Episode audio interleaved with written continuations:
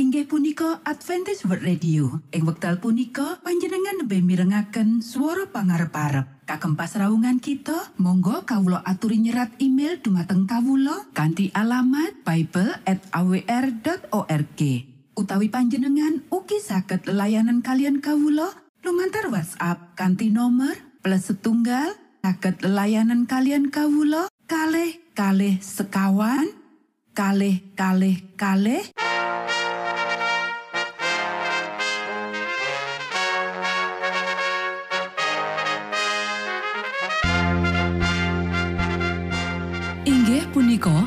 Adventist World Radio ingkang giaran kanti basa Jawi. Tentrem Rahayu kula aturaken kagem para mitra kinasih ing pundi papan lan panggonan. Sugeng pepanggian malih kalian Adventist World Radio. Kanti bingahing manah Kulo badi sesarengan kalian poro mitra kinasi. Lumantar saperangan adicara ingkang sampun rinonci. Mligi kagem panjenengan sami. Mugi giaran punika saged migunani tuwin dados berkah kagem kita sedoyo. Sugeng midhangetaken Gusti amberkahi.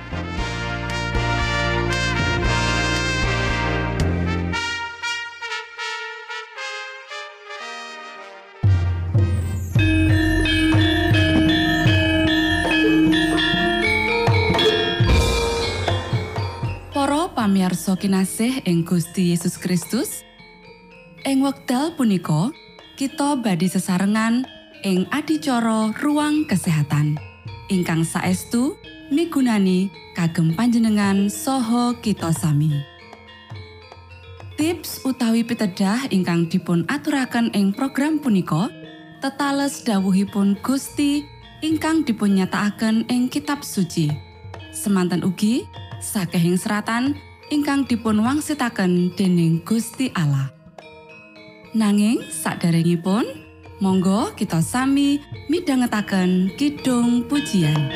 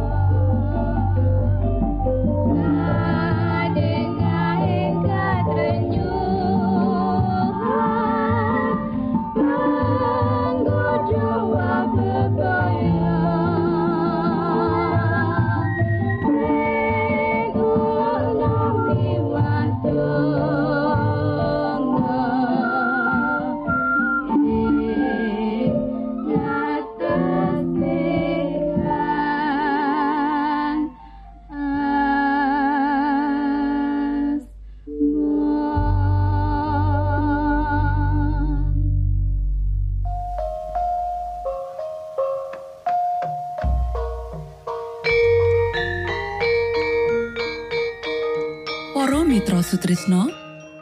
Puji syukur dumateng Gusti ingkang murbeng dumati ingkang sampun kepareng paring wewenngan kagem kita. Satemah saged nglajengaken ruang kesehatan. Pirembakan kita semangke kanthi irah-irahan. Coro-coro mangan sing kleru perangan katelu.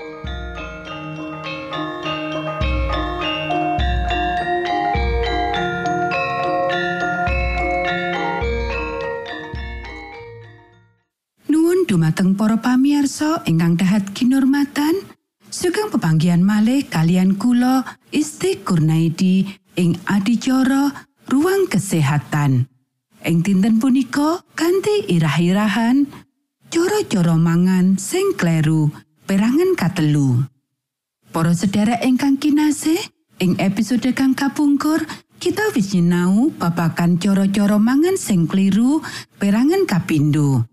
Saiki kita bakal nerusake nyinau babagan coro-coro mangan sing kleru sabanjure. Para sedherek ingkang kinasih, wong-wong sing nyekel tanggung jawab tanggung jawab wigati lan luwih saka liyane, wong-wong sing ngayomi kapentingan-kapentingan rohani, kutune ya iku wong-wong sing peka perasaane lan pamikirane landhep. Luwih saka liyane, dheweke kudu mangan sedeng-sedeng wae. Panganan mewah sing lezat kutune ora entuk panggonan ing meja dahare. Saben dina, wong-wong sing nyekel posisi pinercaya njupuk keputusan penting sing banget nemtokake. Lan iki bisa dilakoni kanthi apik mung dening wong-wong sing mraktekake pertarakan sing kenceng. Pikiran dikuatake kanthi perawatan sing bener tumrap kapisan awak lan pikiran. Menawa ketegangan ora kebangetan gede, mula kekuatan anyar teka bareng saben beban. Nanging asring pakaryane sing duweni rancangan-rancangan penting kanggo diputusake lan keputusan-keputusan penting kanggo dicupuk dipengaruhi dening kejahatan sing timbul amarga panganan sing ora pas. Lambung sing ora beres ngakibate kahanan pikiran sing kacau lan ora mesti. Para sedherek ingkang kinasih, asring bab iki nyebabake sawijining wong gampang tersinggung, kasar utawa ora adil. Akeh rancangan sing setianing gawa berkah marang jagat iki wis disingkirake. Akeh tindakan sing ora adil, mepet malah kejem wis dilakokake dadi akibat saka kahanan sing loro amarga pakulinan salah sakjroning mangan. Ing kene ana siji anjuran kanggo kabeh wong sing gaweane kakian lungguh utawa meres otak. Mugia dheweke sing duwe cukup kuwanen moral lan pengendalian diri nyoba iku. Saben mangan, jupu loro utawa telu jinis panganan sing prasaja lan panganan ora luwe saka sing dibutuhake kanggo maremake rasa luwe. Usahakno olahraga saben dina lan telengen apa kue ora entuk manfaat. Para sedherek ingkang kinasih, wong-wong kuat sing sregep makaryo abot ora dipeksa supaya ngati-ati ing bab jumlah lan mutu panganane kaya dene wong-wong sing kebiasaan nyambut gawene sambil lungguh. Nanging dheweke iki uga bakal duweni kesehatan sing luwih apik maneh menawa dheweke gelem praktekake pengendalian diri sakjroning bab mangan lan ngombe. Para sedherek ingkang kinasih, saperangan wong kepingin supaya peraturan panganan sing pasti ditemtokake kanggo dheweke. Dheweke mangan kebangetan akeh banjur ngelani. Dadi dheweke terus mikirake apa sing dheweke pangan lan ngombe. Kutune dudu mengkono. Sawijining wong ora bisa nggawe siji peraturan katemtu kanggo wong liya. Saben wong kudu nggunakake tetimbangan sehat lan pengendalian diri lan kudu tumindak ada dasar prinsip. Para sedherek ingkang kinasih, awak kita ya iku kagungan sing wis dituku dening Gusti Allah. Lan kita ora bebas nglakokake sak kepenginane awake dhewe. Kabeh wong sing mangerteni pepakon-pepakon kesehatan kudu nyadari kewajibane kanggo mituruti pepakon-pepakon iki sing wis dititahake Gusti Allah sakjroning dirine. Pamituhu marang pepakon-pepakon kesehatan kudu didadekake sawijining kewajiban pribadi. Dheweke kudu nandang sangsara akibat pelanggaran saka pepakon kasebut. Kita kanthi cara pribadi kudu nanggung jawabake marang Gusti Allah ngenani pakulinan lan tindakan-tindakan kita. Amarga iku, pitakonan kanggo kita dudu apa sing dipraktekake dening jagat iki? Nanging kepiye aku kanthi cara pribadi nandokake papan tunung sing wis diparingake Gusti Allah marang aku? Matur nuwun Gusti amberkahi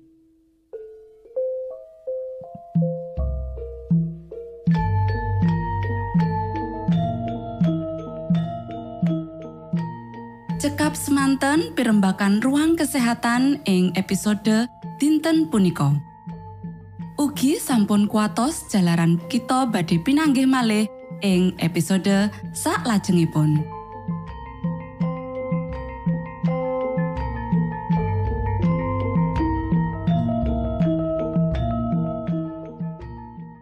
Inggih punika adicara ruang kesehatan.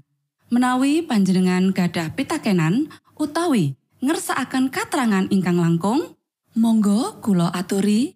Kinton email dateng alamat ejcawr at gmail.com utawi lumantar WhatsApp kanti nomor 025 pitu 00 songo songo papat 00 pitu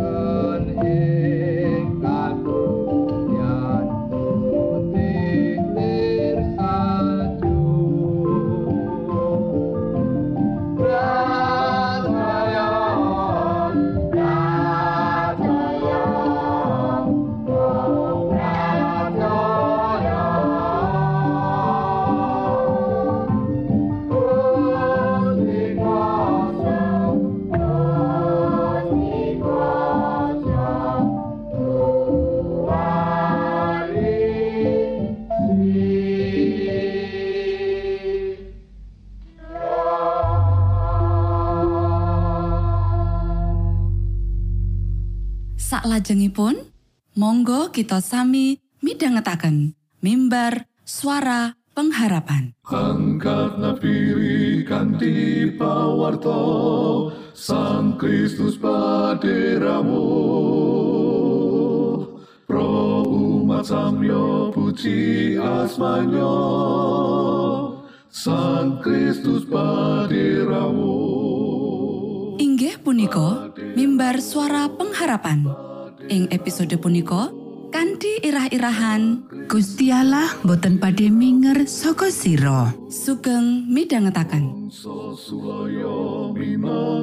Tondo Sang Kristus paderamu Ilmu kawero tambah tambah Sang Kristus paderamu Paderamu Paderamu Sang Kristus paderamu Shalom para pamirsa ingkang kinasih wonten ing Gusti sakmenika kita badhe mitangetaken renungan Sabda pangantikanipun Gusti.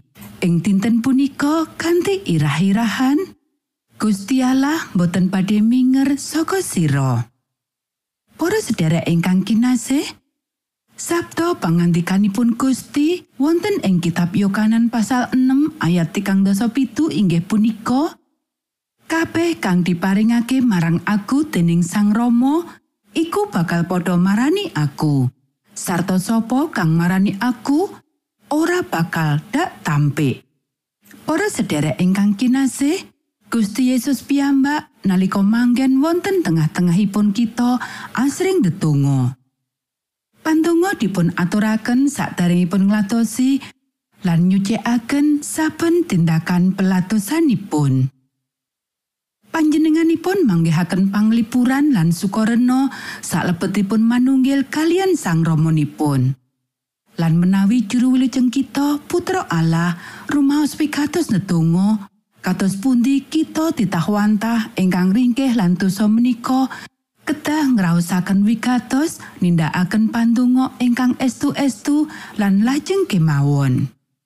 Para sedherek ingkang kinasih, sampun kagungan penggalih bilih amargi panjenengan sampun damel kalepatan amari pagesangan panjenengan sampun dipun petengaken kalian mapinten-pinten kalempatan pramila sang Rama kasuwargan panjenengan boten resnani panjenengan lan boten badhe mireng menawi panjenengan tetunggo manahipun ingkang kebak welas asih kajamah kalian kasisahan kita lan keporo kalian pengaken kita perkawis menika boten wonten ingkang sakalangkung ageng kagem dipun tanggal panjenenganipun. Amargi panjenenganipun nyepeng jagat.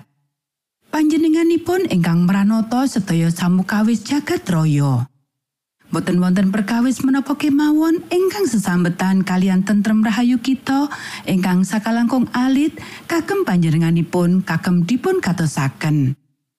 Boten wonten perangan pengalaman kita ingkang sakalangkung peteng kagem dipun waos panjenenganipun. Boten wonten kabingungan sakalangkung angel kagem panjenenganipun kagem dipun udari. Boten wonten ingkang dawa sakalangkung andhap, boten wonten ingkang sakalangkung nista satemah boten pikantuk pangluaran wonten salebetipun Sang Kristus. Para sedherek ingkang kinasih, menawi kita tansah ngutamekaken Gusti Allah, ngleremaken manah kita atur syukur lan mamuji panjenenganipun pramila kita badhe anggadhahi kasegeran lumintu wonten saklebetipun pagesangan agami kita pandonga-pandonga kita badhe arupi atur pangantikan kalian Gusti Allah. Kados dene kita matur dumateng setunggalipun sekabat. Panjenenganipun badhe ngandharaken wewatinipun dumateng kita mirungkan. Asring kita badhe ngraosaken karawuhanipun Gusti Yesus ingkang manis lan kebak sukoreno. Para sedherek ingkang kinasih, kados pundi entahipun menawi kita ndedonga kanthi estu-estu. Bilih titahwantah ingkang boten pantes lan dosa, anggadhahi kuwaos ngaturaken panyuwun dumateng Gusti Allah. Kegiatan langkung inggil pundi ingkang saged kita gadahi langkungi saking menika kuwaos kagem sinambetan kalian Gusti Allah ingkang langgeng manungsa ringkih lan dosa gadhahi wewenang mirunggan matur dumateng pangriptanipun piyambak-piyambakipun ngaturaken atur-atur ingkang ngantos dumateng damparipun kraton jagat raya para sedherek ingkang kinasih keluwung wonten sakupengipun dampar mujudaken setunggalipun jaminan bilih Gusti Allah menika estu. Pilih wonten saklebetipun panjenenganipun boten wonten ingkang ewah kingsir. Boten wonten wewayangan ingkang ewah kingsir ancasipun. Menawi kita sowan dumateng panjenenganipun, ngakeni boten memper lan tetusan kita, pramila panjenenganipun piyambak sampun prasetyo kagem ngutaneni panyuwunan kita. Pakurmatan damparipun ingkang dipun agem jaminan kagem netepi prasetyanipun dumateng kita. Monggo kita sami ndedonga. Duh Rama kawula ingkang wonten ing swarga, asma patuko mugi kasucikaken. Kraton patuko mugi rawuh. Karsa patuko mugi kalampahan wonten ing bumi kados dene wonten ing swarga. Kawula mugi kaparingan rejeki kawula sak cekapipun ing dinten punika. So patuko mugi ngapunten kalepatan kawula kados dene kawula inggih ngapunteni tetiang ingkang kalepatan dhateng kawula. Punapa dene kawula mugi sampun ngantos katantukaken dhateng ing panggoda nanging mugi sami patuko uwalaken saking piawon. Awit dene patuko ingkang kagungan kraton saha wisesa tuen kamulyan salami laminipun. Amin.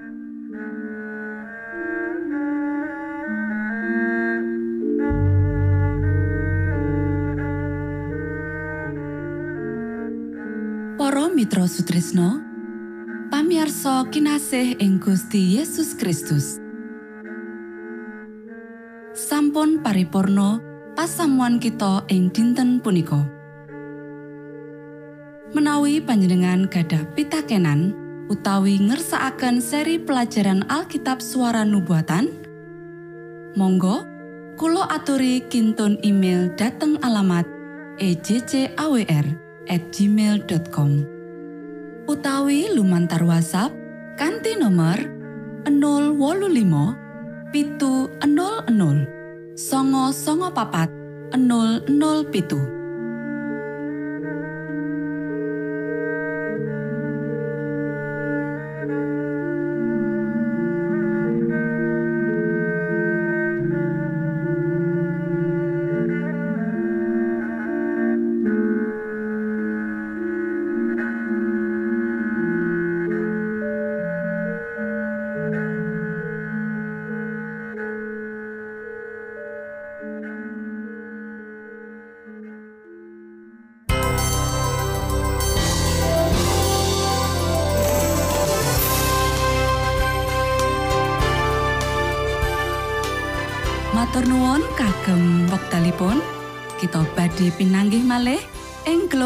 ugi wekdal ingkang sami.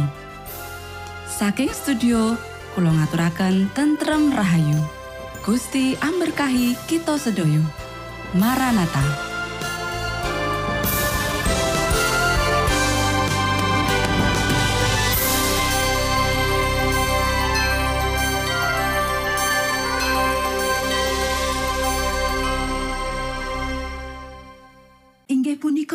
Adventist World Radio. Ing wekdal punika panjenengan lebih mirengaken swara pangarep-arep. Kagem pasraungan kita, monggo kawula aturi nyerat email dumateng kawula kanthi alamat bible@awr.org. Utawi panjenengan ugi saged layanan kalian kawula lumantar WhatsApp kanthi nomor plus setunggal saged layanan kalian kawula kalih kalih sekawan kalih kalih kalih